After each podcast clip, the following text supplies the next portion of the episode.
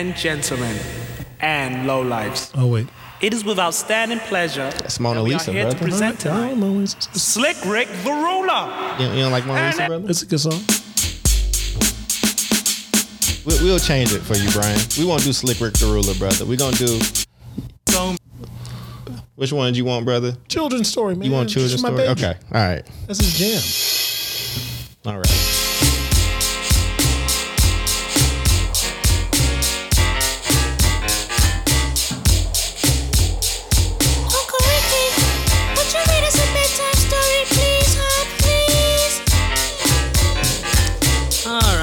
Right, you kids get to bed. I get the storybook.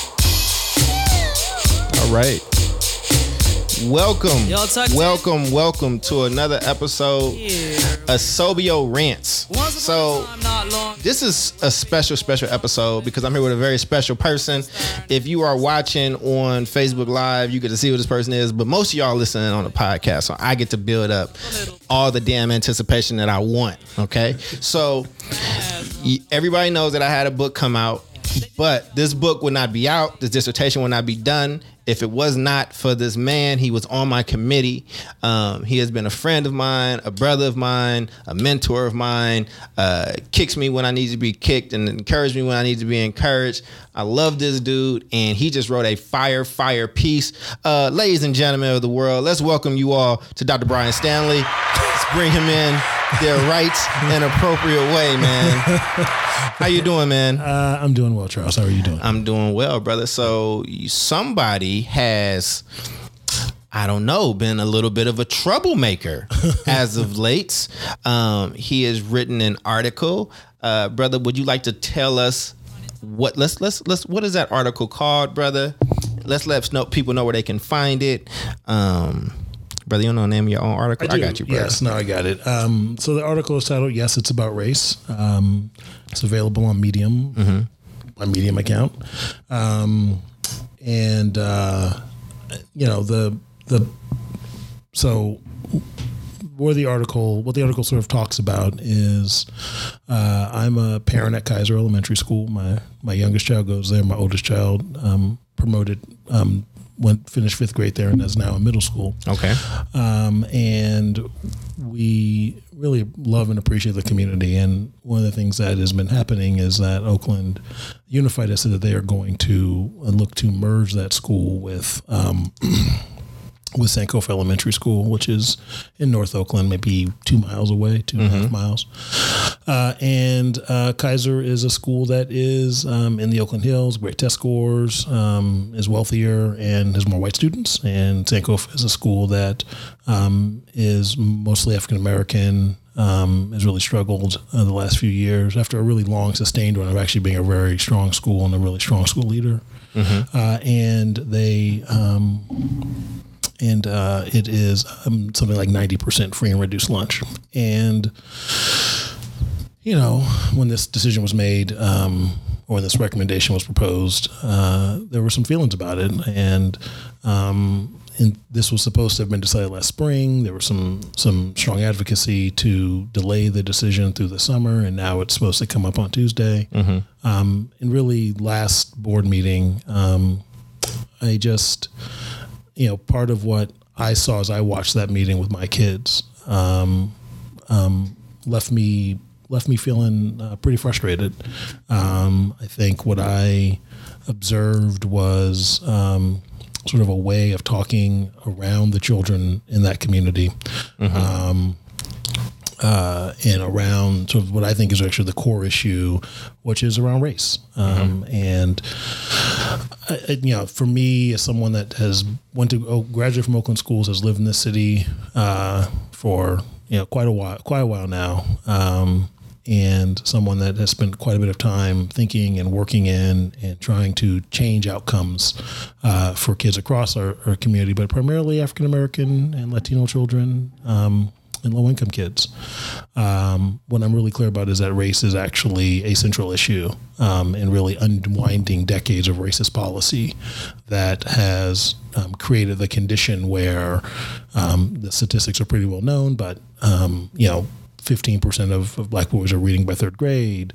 Uh, one in four black boys that um, graduate from high school are eligible for admission to CSU and UC system, and on and on and on.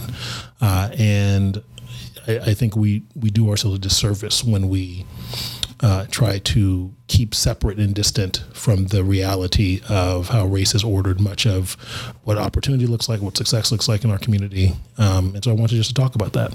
Okay, so what was just some? Give me like two or three just salient points from the article that might be getting you the most love and or backlash.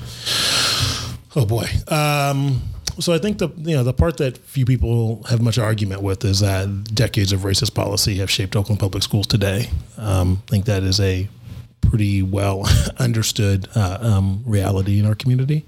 Um, I think there's not much argument that the um, results across the board, particularly for kids that look like me, um, uh, are are not or have not been great and have not been great for 50 years.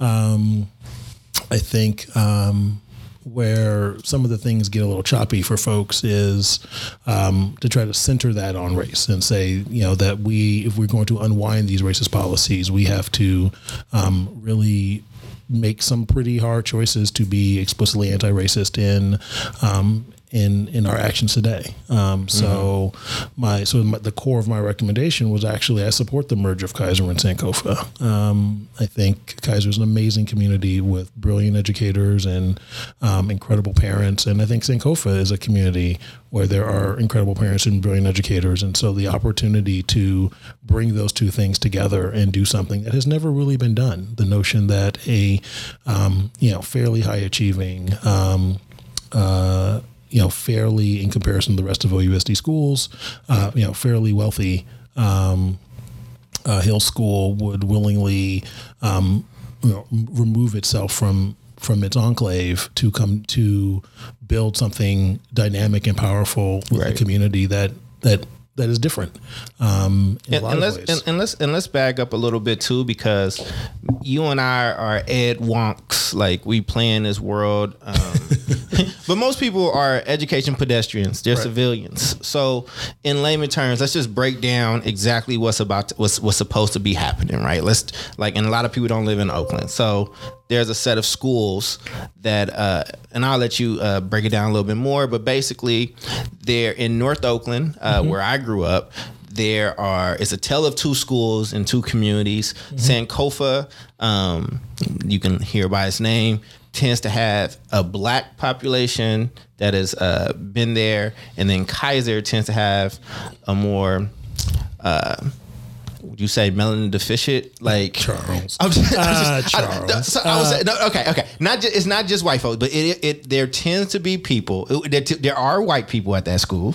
yes, There are a lot more white people at that school than Sankofa. I believe the school is thirty percent white. Um, that's from memory, but I'm pretty sure that's correct. and it tends to also have uh, more affluent families at that school. Yes, I believe the percentage was 24, 28% of um, Kaiser is free and reduced lunch compared to a district average of about 70%. And most of the schools are comfortably 80, 90 plus percent. Right. And so, what was proposed to happen that led us to this point? Sure. So, um, so Kaiser is a really small school in OUSD. Um, in OUSD, generally for its elementary schools, in order for the economics to work out, that is the the amount it costs to operate the school um, from the um, um, um, based upon the number of students that the school serves, it needs its elementary schools to comfortably be somewhere between three and 350, 400 kids. And if the, if those things are true, then the school uh, can, is sort of self-sustaining from an economic perspective. If that's not true, then essentially the district has to subsidize that,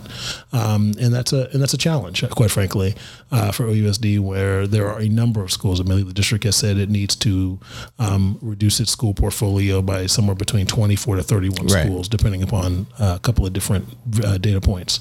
Um, and so the proposal has been to merge these two schools into a single campus. Uh, that campus could be the current Sankofa campus in North Oakland, or it could be uh, another campus, another part of North Oakland called Santa Fe.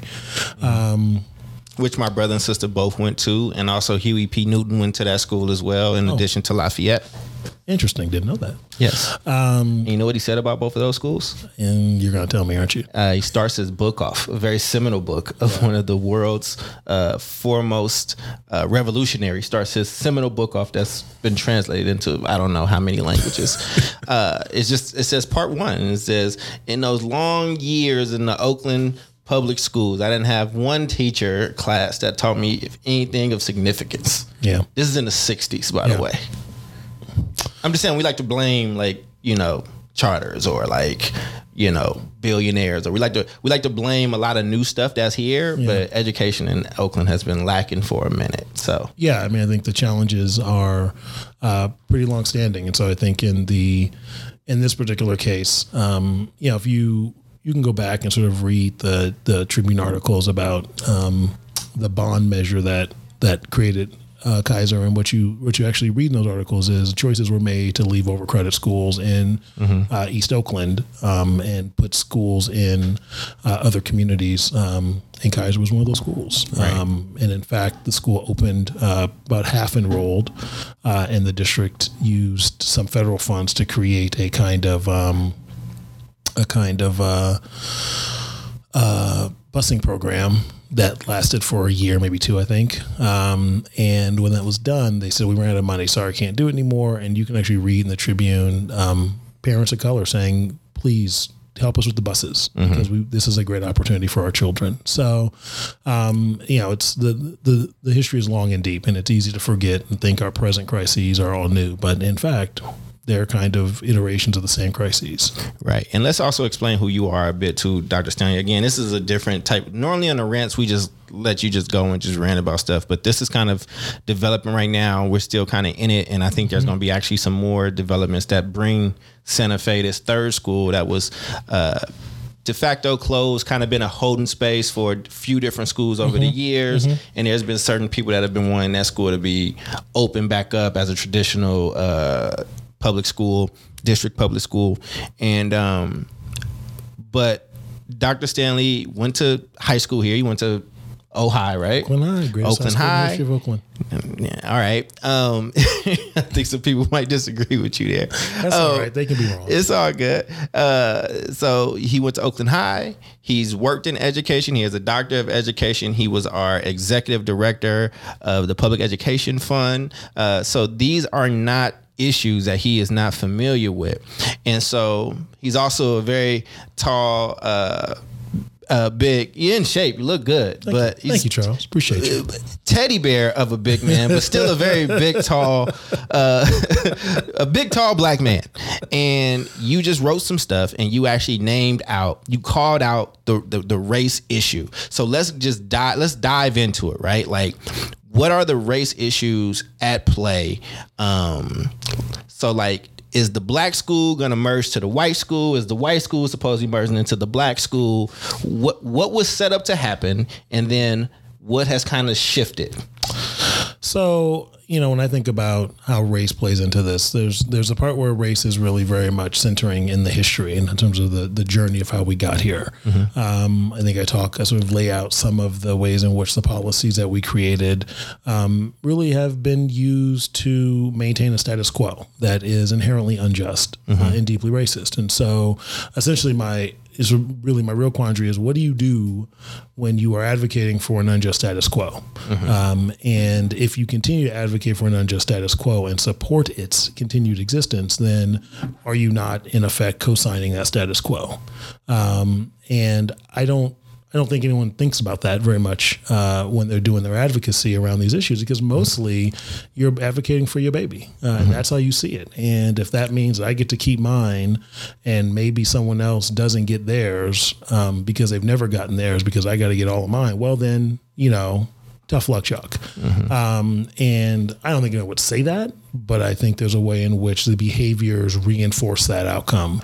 Um, so I feel like that to me feels feels really key. I think, um, and so in the case of Oakland, you know, the the conditions that allow that allow schools um, to, essentially, to essentially hoard opportunities. Um, you know, the, the opportunities that schools in the Oakland Hills are able to create for their children uh, because of the concentration of wealth, because of the ability to Right. make real just in some cases basic investments in teaching, but investments in teaching that other schools struggle to figure out how to make.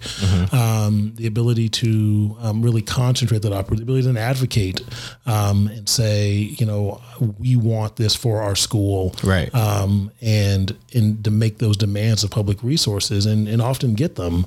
Um, that's all a function of sort of maintaining and hoarding those opportunities and privileges. Um, there's tons of research on. I mean, this this is not a new thing.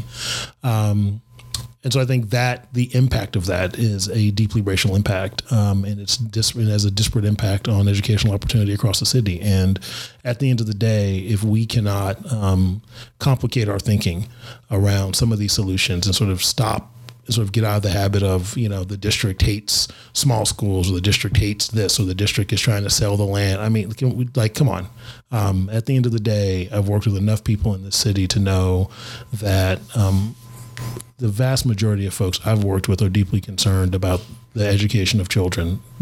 Some folks are more concerned about um, about how do we ensure that every child has has access to a great to a great education. And m- my real belief is that if we are not particularly people like me who are black and middle class and have some privilege and are able to benefit some from the status quo, um, if people like me um, black folk, white folk are not willing to get uncomfortable, um, are not willing to say, you know what, I'm I, I'm willing to stand in solidarity with this community and advocate for justice for their children, um, with the full recognition that it might lead to justice for all children, but what I care about is justice for their children.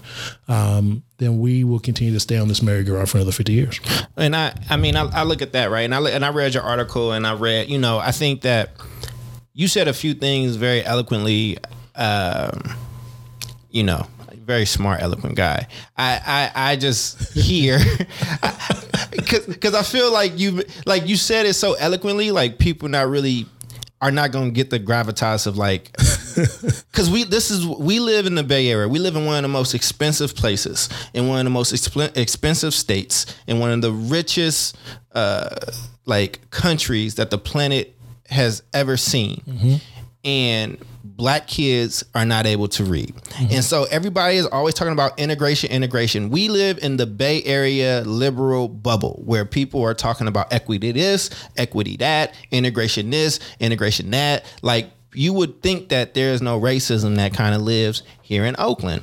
Well, I read your article and I read about how the rubber kind of meets the road and like let's just also be real, right? So integration has always been a thing where it's like, oh, we're moving black kids to go into white spaces. Like that is we're putting black kids in proximity with whiteness. And if you listen to me, you know how I feel about that. I mm-hmm. I don't think black greatness is contingent on proximity to whiteness. But I understand in the integration argument that by by integrating, we would hope that black kids would have access to the same type of money and money flow that white kids have.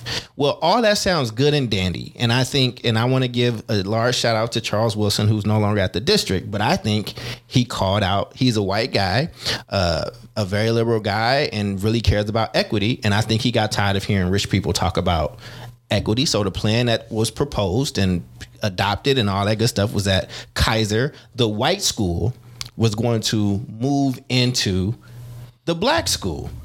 And I think there was a lot of fears that came out about that. In your article, you talked about how your sons who went to Kaiser Still do. still do, who go to Kaiser, mm-hmm. but would hear all these stories about those Sankofa people. So I mean, like, so when you wrote your article, right? I'm sure that you got some love, and I'm sure you got some hate. And I'm sure that some of that love was in secret and silence, and some of that hate might have been a little bit more public. So just talk about what's what's that experience like for you? One from the love that you're getting let's start there and then we can kind of you know perrier very very very yeah. We can we can uh, we can go that way and talk about you know the other part of this which is the hate that you've been getting Yeah, I mean, I think you know, I and what did you actually call people out on and say like that Uh, well, it's funny. Um, you know, I, I actually, uh, part of it is that I, so the article really grew out of, uh, after watching the last board meeting with my kids. Um, you know, my kids were, were, were pretty shocked actually. And they were like, dad, why are we talking that way about, about the, about that other school? Um, and I said, I don't know. Uh, um, and that sort of set me to thinking. Um, I did a Facebook post, and then a bunch of folks said, "Hey, could you could you maybe flesh this out a bit more? Because I feel like you've got some something in here, well, so I want to know more." And so that's what I did. Um, and you know, I thought honestly, I wrote it because I felt it, but I also wrote it because I felt like I need to say those things in order to have integrity with my kids. Um, and I'll stand by that 100% that, you know, my kids and I talk about um, race in a very real way in our house. Um, that's how my wife and I want them, want our boys raised. That they can sit and have these conversations and they're not believing the world is, you know, that they're able to see the world as it is when they're when they're when they're ready to do that, um, and know that they can take action to make it more just. Um, anything less than that is, quite frankly, deadly um, in my mind. So. Uh, so I wrote it, uh, and I think lots of folks said thank you, um, or some variation of um, you know you know appreciate you pointing this out. Um, I don't think a lot of folks were were shocked um, at the history or at the reality of the impact of that, or that this continues. Like I said before, um, but I thought it was important to say, so I said it, and I thought it, and I thought I had something to say um, to other communities that might be struggling with figuring out how we do this. You know, the history of school mergers uh, and consolidations. I'm not sure we've ever done a merger with a school like Kaiser and a school like Sankofa. Um, and to be clear, I'm saying the article a couple times there's no way that that I that I know for sure this will work. This could totally fail. Um, this this this really could be could be a bit of a disaster. Um, but ultimately, I feel like it's worth the effort, and I feel like if the collective genius of both these communities comes together to say, let's build something, um, you know, let's build let's build a school um, and a school community that all children deserve and all families want, and let's do that here. I feel like that's a really powerful message, um, and it takes courage and risk, and trust, and a little luck, and a lot of faith, um, and an incredible amount of hard ass work. And I think um, that feels right to me. Um, So play Monday morning quarterback. Yeah. Let's let's look into the future. yep. What scenario do you think is going to play out? Because I think we actually are going to disagree on this part. Oh, I suspect the schools will be. Well, the vote was the vote. The, the, the school's going to merge. This is not actually a question. Going to merge where though? Oh, uh, that's a great question. I think it probably will end up merging at Santa Fe. Um, I think so too. I, I, I mean, we actually. Are. I, I I think that I can't believe you thought we were going to disagree on this, Charles. Yeah, I thought we. I, I did. I thought that. Um, but but I don't. But I don't think that that's a merger in the same way. I think that what I've seen happen since I was a student here to when I was a staff at OUSD to now is. You know, it seems like we vote on something or something is set in stone or something is supposed to happen and it is policy or we can't change this, we can't do this until wealthy white parents decide they want something changed. So if the plan was initially that we were going to, the, the reason why the merger to Sankofa was so important is that it was going to bring with it other resources, um, a lot of other things on a campus that actually has the space and can expand to like really be a thriving school community that's truly mixed um, and a lot of these different communities coming together.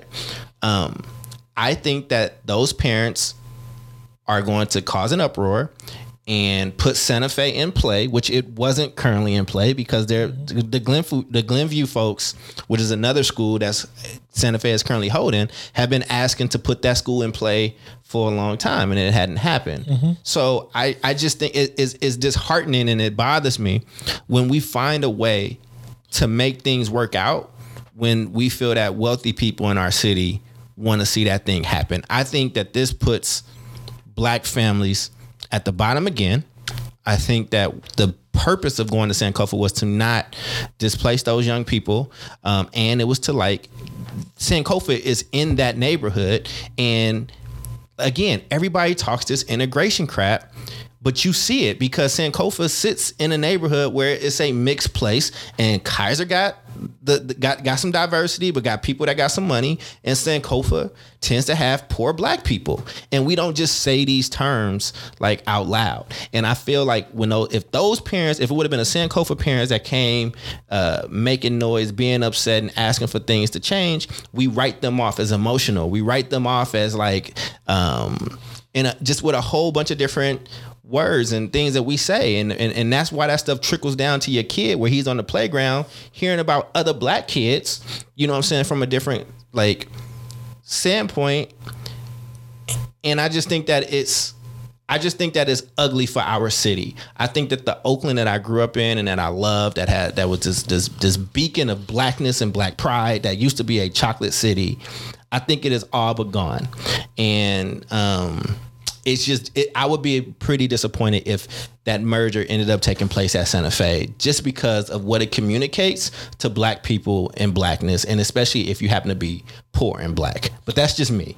Yeah, I think the so I think what's interesting is I I, I sort of had a similar stance. and I actually talked to some folks um, who are more intimately involved in this issue, and they you know they made a couple of good points. They said on one hand, um, the district just they just released uh, maybe Sunday night the proposal um, for for the uh, merger, and they sort of laid out some of the economics. And actually, um, I want to say um, there was going to be a, a pretty big bill to add enough portables to Sankofa in order to accommodate all the kids. Um, where that bill would be a lot less at Santa Fe. Um, and I think that you know that that means something if we're talking about part of the reason we're doing this is there's some economic challenges in the system. Um, I think the other piece, you know, I was very concerned about any potential impact on Hoover, and you know, are we going to um, sort of see another mass exodus of a school that has been in historically black neighborhood? And what the, what this person said actually really was helpful to be reminded of is they said, look, the economics of the city of Oakland um, is currently was actually pushing black families out of the city of Oakland. Um, that it is that the homes in the area around Santa Fe are you know going for um, arms and legs uh, in terms of total costs, uh, and a lot of um, a lot of the black homeowners, um, or some some they, said some portion of the black homeowners in that part of Oakland are basically you know um, empty nesters who are seniors, and they're gonna they're gonna you know tran make their transition um, to go be with the ancestors, and when that happens, their their children are going to sell that home because that that's that's wealth, um, and that's important to them, and you know who, why would we want to stop them? But that will mean that it is likely that they will not be replaced by another black family, uh, and then over time, those that that's those are just the economics of our community right now, and so the question is, does this school have a better shot of being a true great school um, if it's at Santa Fe or if it's at Sankofa? And they weren't sure. For they were like, I, I don't know, um, but there is clearly an opportunity here to um, make some choices about what we do and why we're doing this and what's important to us. And so I don't. So I, you know, that that sort of left me. I'm I'm not sure where I come down that in the end. Right. Um, but I'm but I appreciate sort of the opportunity to complicate my own thinking around this uh, and sort of noodle through that for a minute and try to figure it out. Um, either way, quite frankly, the work is going to be enormous. I don't expect. Um, I don't expect 100 of the 100% of the people that currently go to these schools to join at the new facility. I don't expect 100% of the teachers to join at the new facility. Um, I think there's going to need to be an incredible amount of rallying, support, leaning in uh, with with this new community. I intend to keep my kid there. Um, I feel like I'm pretty committed to that. I'm clearly committed to that. Um, And so I feel pretty strongly that my wife and I will be right there, standing shoulder to shoulder uh, with our new friends um, and hopefully a few of our old ones, uh, and we can do some good work together to see it to to see to try to prove this thesis and see if this works. No, I get that. I think that, you know, when I listen to that, it just makes me appreciate folks like the Oakland Reach, uh, which is a group of parents led by a black mom, uh, of black and brown parents that's really just like fit a certain socioeconomic like reality and just have a realness about what's happening in the city. And I do. and I just think that they are starting different conversations because I think that we're gonna spend so much time playing nice and using like bigger words and, and and have this facade of regality not even regality i mean I, I think some people do try to see themselves as regal but like this facade of calmness and niceness.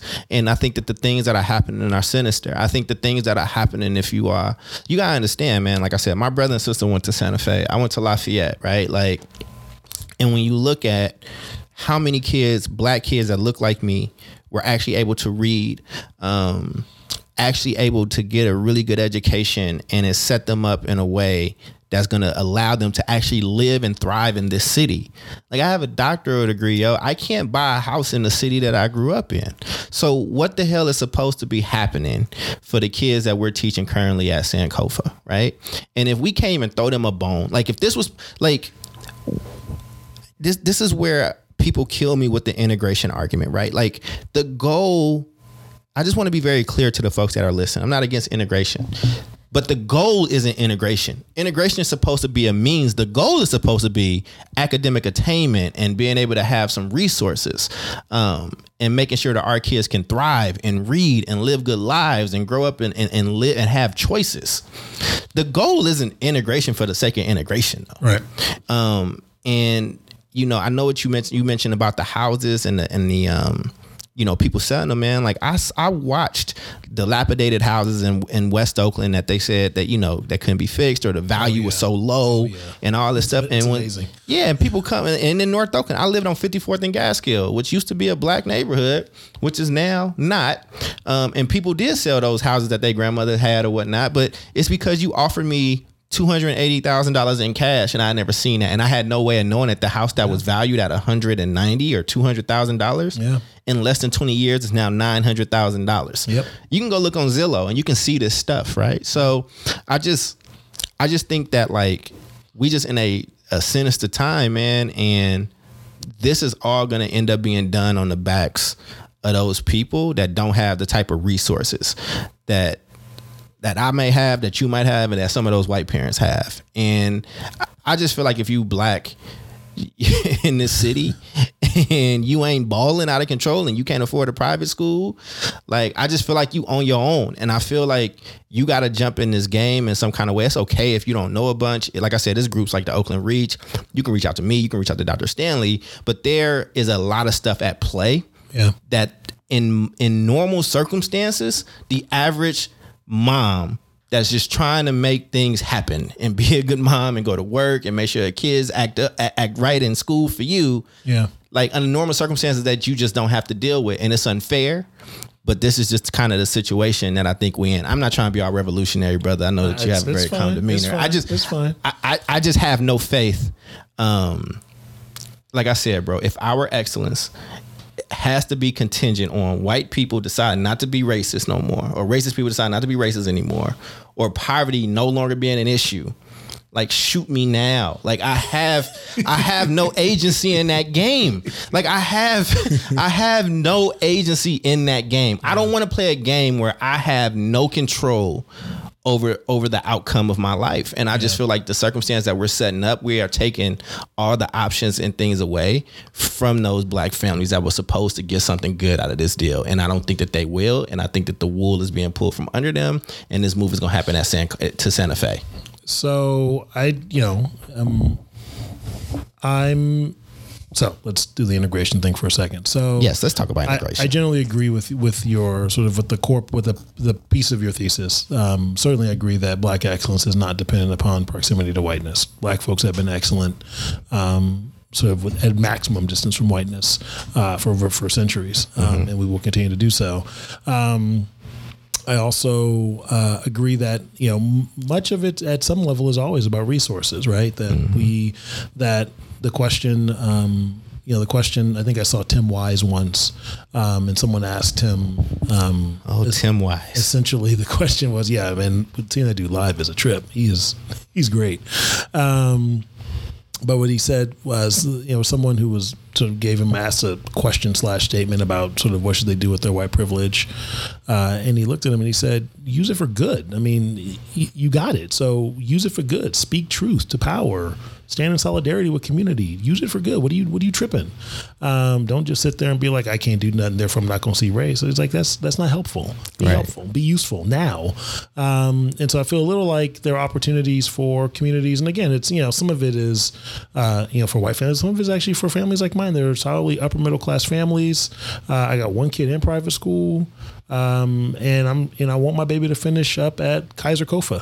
Um, Kaiser Kofa. right?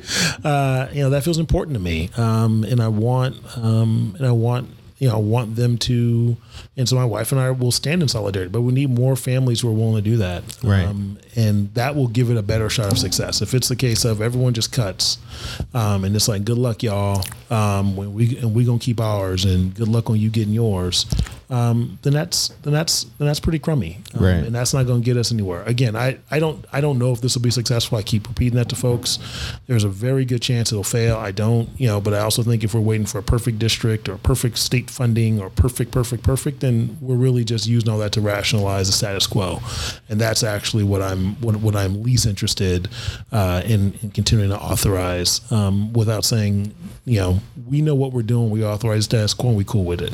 Um, I'm not cool with it, and we should say that more often, and we should be about that very serious work. I agree. Um, I think that was, again, that was very well said. Um, I speak so well. I mean, you know, kind of, yeah. You know what I'm saying?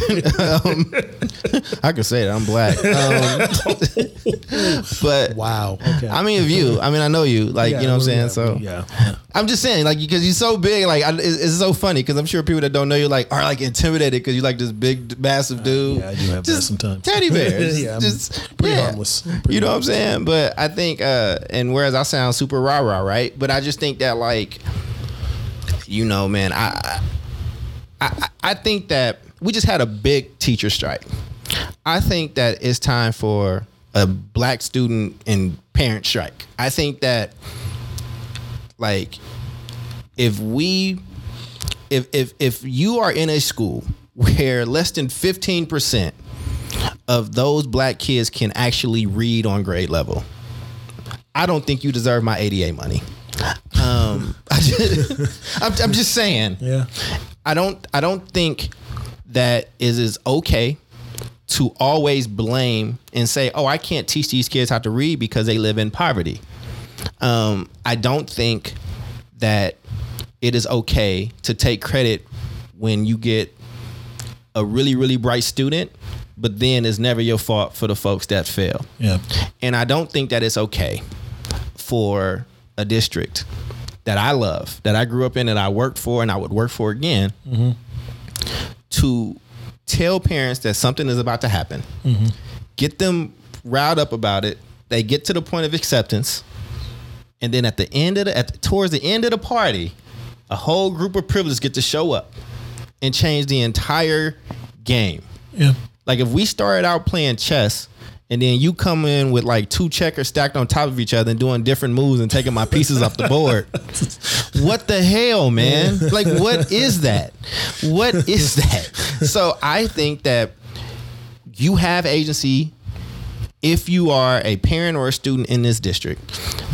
Districts make money off of your kid coming to school.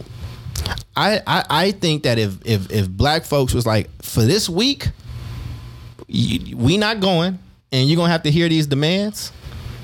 I think we're gonna see just how much equity there actually is in one of the most uh, liberal bastions that the world has known. Man, Well, I think by your that's where we live. But I, I mean, I think by your setup, you know that um, that Oakland being a liberal bastion is not nearly the same as it being a place of um, sort of explicit anti-racist action, right? That we are pretty comfortable maintain. I mean, look, I you know my current job, I work for a great organization called Hamilton Families, and we work on trying to end family homelessness in the Bay Area. So I spend an enormous amount of time actually when I'm not sort of looking at looking at education data is looking at really the experience the data around what's happening with people experiencing homelessness in our community. And those folks are disproportionately black. Um, the folks are generally from the communities where they're experiencing homelessness, which means if you see folks on the streets in Oakland, odds are pretty good they're from Oakland, um, which means they're pretty good they grew up that they grew up here and went to our schools. Um, and I, you know, I'm I am I'm per- I'm not perplexed by that. I am um, I'm both outraged by it. A friend of mine just moved back t- back here from the East Coast, and, and she grew up here, and she is just she is floored and stunned, Right. with the level of uh, poverty and homelessness and what needs to happen um, in this community. And it's been obvious for a while. Um, but at the end of the day, you know, sort of one of my conclusions is really, you know, homelessness is one of the worst effects of poverty, and poverty is often one of the very worst effects of a of a of a very of a education that didn't work, um, and it either didn't work or it worked exactly as designed. Um, and I'd submit it worked exactly as designed. Um, and if we want to set about interrupting that work, then uh, you know there are times I agree with you where I'm like, well, maybe if the parents um, who kept see, keep seeing their babies not making the progress they need to make, uh, you know. Took a took a week off. Maybe that might maybe that might compel some discourse to be a little bit more different um, around what's it going to take to ensure that every child has not just opportunity, but is actually able to get a great education in this community. That um, and that said, I, it's also clear that whenever the district has had to make hard decisions that would begin to put it on the road to different types of fiscal health. Um, or, different, or even academic or whatever it is, I mean, wh- whatever road to improvement metric you care about, um, those have often been, been met with resistance. And the result of that, the fruit of that labor is always to maintain what is right now in some variation of the exact same thing. And so we should not be surprised that we continue to have the same problems we had in 1960. Um, we should not be surprised that we tend to get results um, that have been fairly consistent for decades. Um, and and, and I think until we get serious about that and sort of talk honestly and openly about that, but more importantly, recommit ourselves to actually doing the work around that, and that and that work isn't just Superintendent um, Johnson Trammell's work or just the school board's work. That that really has to be a community work, Right. uh, and until it is, um, you know, you know, we will continue to run it, ram our head into the wall, and then wonder why we got a headache. It doesn't. It just does not make any sense. Yeah, no, I think that was, I mean, and you brought up our superintendent, whom I know and I love, and who I think is is an amazing person and is just really bright. And and this is the thing, man. I've worked at the district level. I worked, and you know, we both worked at a very high level in that place. It is it is very it's it's a, it's it's like turning to get change. It's like turning a freighter. Like it's it's difficult. It's slow. It tends to have to be reactive because of the bureaucracy of it. And um, you know, I don't I don't I don't claim to professor that that is easy work. Um, you know, you brought up the homeless part. You know, I mean, let's have honest conversations. I don't know how many people know this here, but I mean, you you know, I grew up homeless in this district. Yes, sir. Four shelters and two in San Francisco, the and two in Oakland, which was the Salvation Army, and the Henry Robinson, which is still standing and not very far from the office that we're at now. I don't know the name of the ones in San Francisco. I just know one was in the Tenderloin at this hotel, and but I had like people, or I had a few teachers, not very many, uh, that made sure that because of those circumstances, because I was coming up the way that I came up, that it was imperative that I knew how to read, that I knew how to do math, that I was like numeric, like these things. It it was like they taught it to me, and not even in schools, like a lot of this education came from the boys club and my barbershop and the people in my life, but they taught it to me like my life depended on it. Mm-hmm. And I think that we need to actually be moving and making decisions like the livelihood of these children depend on it. Mm-hmm. Because the way we are going now, I don't see very many of those kids that are in our schools now that look like you and I that have that are that qualify for free and reduced lunch. I don't see very many paths for them to actually live and thrive in this city as adults. Like I don't see it. We are only becoming more expensive. I mean, I'm sure that bubble is going to burst because that's just how economics works. Mm-hmm. But again, when that bubble bursts, it will probably be on the backs of poorer people that have to like kind of suck that up. So I just, I don't know. Like I said, I don't want to get too emotional about it. I think that you wrote an amazing piece. Is so brilliant. Um, Dr. Stanley is just a brilliant, as you can see, laid back and reserved guy. Um, what is the final message that you want to have for parents that are listening, educators that are listening? I mean, it's going it's a lot of people that's going to actually end up hearing this, especially in Oakland in our city. Yeah. So not not from the right end, you know, sometimes you can't tell tone from right end or or, or or whatever the case is. You get to look at that camera, you get talking to this microphone. what is what is what is something that you want to leave these people with about what is going on in our education system or that they need to know around what's coming up?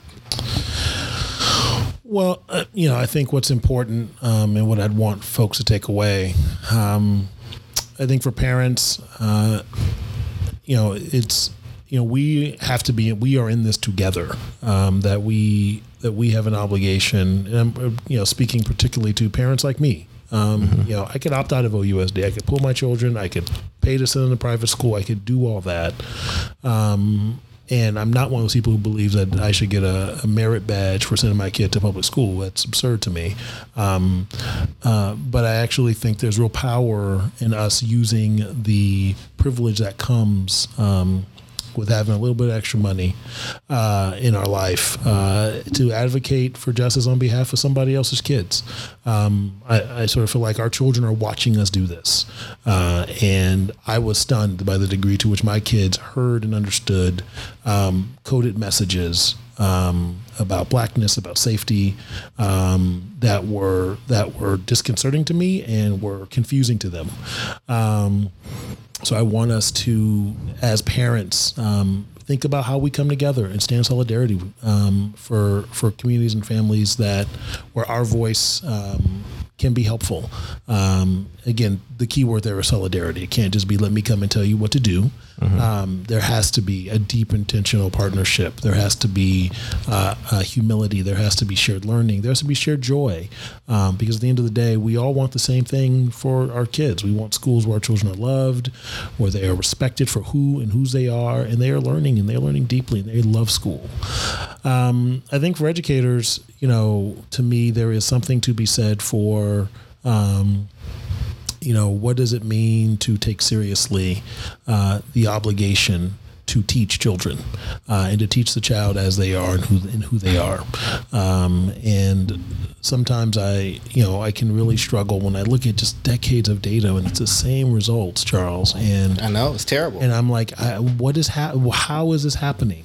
Um, and how do we interrupt this? How do we interrupt what happens when the door closes in the classroom and that teacher turns around? There's 24, 25 black and brown faces um, in varying degrees of need. Uh, and how do and how do we help that teacher be successful and help them be successful every day with those children um, because they're counting on her. Uh, and right now we're failing that. And some of that is you know some of that is systems, some of that is some of that is a whole whole host of places. Um, but I often wonder how much of that is just the mindset. Do you believe this child um, um, is worthy of this? Do you believe, do you believe that this child can do this? Um, do you believe that you have an obligation to teach this baby? Um, and sometimes I, I question whether or not that belief is universally shared, um, or at least it's shared enough to actually get us something different. So I, you know, for educators, ultimately, look, man, we need y'all. we need y'all to come up and get this. Um, and uh, every day that doesn't happen, it, it's a tragedy um, with dire with dire life consequences. I you know I see what happens to the families in the back end. Um, you know I I cannot imagine what it would be like to not be able to provide a roof over my my for my family and food on the table every day. Um, and some of that is a result of what happens when we fail in public schools. Um, and so we got to be serious about this, and we got to invest the time and attention and work to do it. And lots of educators do. Don't hear me say all hope is lost. This is doom and gloom. That's not that's not how I move through life. Um, but I also believe very firmly that you must confront the world as it is if you actually want to make it better. Um, and so this is the way the world is, and I'm down for the work to make it better. And I hope and I hope lots of other and I know lots of other folks are there with me. I think that was again um, very well put. Um, I disagree, but I think it was very well put. Thanks, I do. I, I I think you said that. we- I mean, I think the focus, the focal point being on educators and the notion that we are together. And I actually think it's the opposite. And I think I think I think you actually are alone. I think I think you deal with the consequences of a poor education alone. I think that when you get failed out of this system and something happens to your baby, like it happened to friends of mine and, and people that I love and care about, you grieve alone. Um, I think that not being able to stay in this place and being able to thrive and live in the city that you grew up in, that you helped build, that you helped build the culture around, like as if you were renting and setting up something for somebody else to come in your house and live. I think that I think that you're alone in that. And I think that while we do need to support educators, and I always say that as well, I think that I need our parents to understand the level and the power that they have. Yeah. I I, I, I can't stress like Oakland reach enough, but not even just them. It's a bunch of like like even even a group of three parents that's at one school and they just decide to move together. That means they going to meet with teachers together. That means that somebody's showing up and representing that crew, that they're putting pressure on educators in the appropriate way, like together.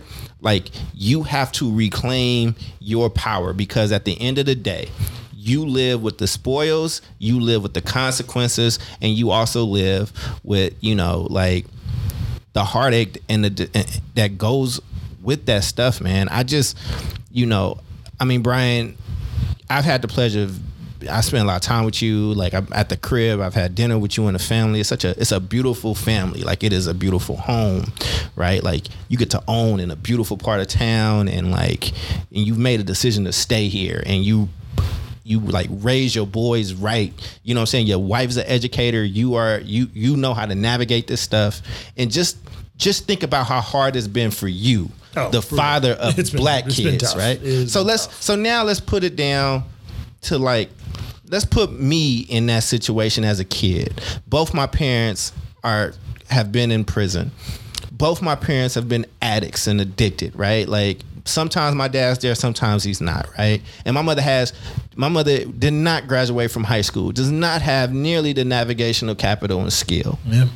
and then to be told like well if you want me to go to berkeley high and you put in the wrong address you can go back to jail that's fraud Right. like that's alone as hell that's a lonely as f life to Yeah. live and i and i just think that you know when people like you are struggling and like frustrated and like having to make really big decisions about is my kid gonna stay in this system or not? Mm-hmm. You know what i mean? I just think that that's why it's never just the one issue. This stuff is always layered. This stuff is layered with decades and decades of history. It is layered with my own experience as a student here and like the experiences that I've helped other people deal with as a social worker and as somebody working in education. So, um, but I think it's awesome also as well when two friends and people that really care and love each other can also disagree uh, respectfully. I think that this has been amazing. If you have not checked out Dr. Stanley's article, I mean, it is it is amazing. I, I will post it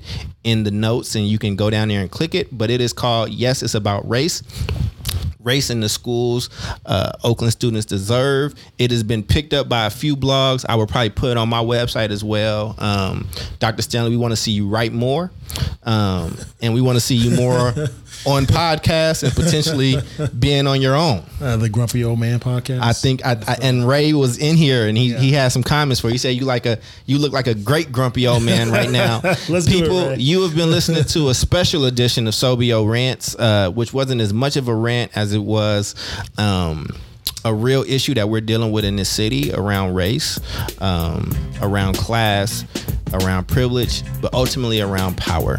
Hope that you continue to join us. Check out some of the old episodes, and we will see you next time. Peace. I'm your idol, the highest title, numero uno. I'm not a Puerto Rican, but I'm speaking so that you know. And understand I got the gift of speech and it's a blessing. So listen to the lesson I preach. I talk sense condensed into the form of a poem. Full of knowledge from my toes to the top of my dome. I'm kinda young, but my tongue speaks maturity. I'm not a child, I don't need nothing for security. I get paid when my record is played to put it short. I got it made. I got it made. I got it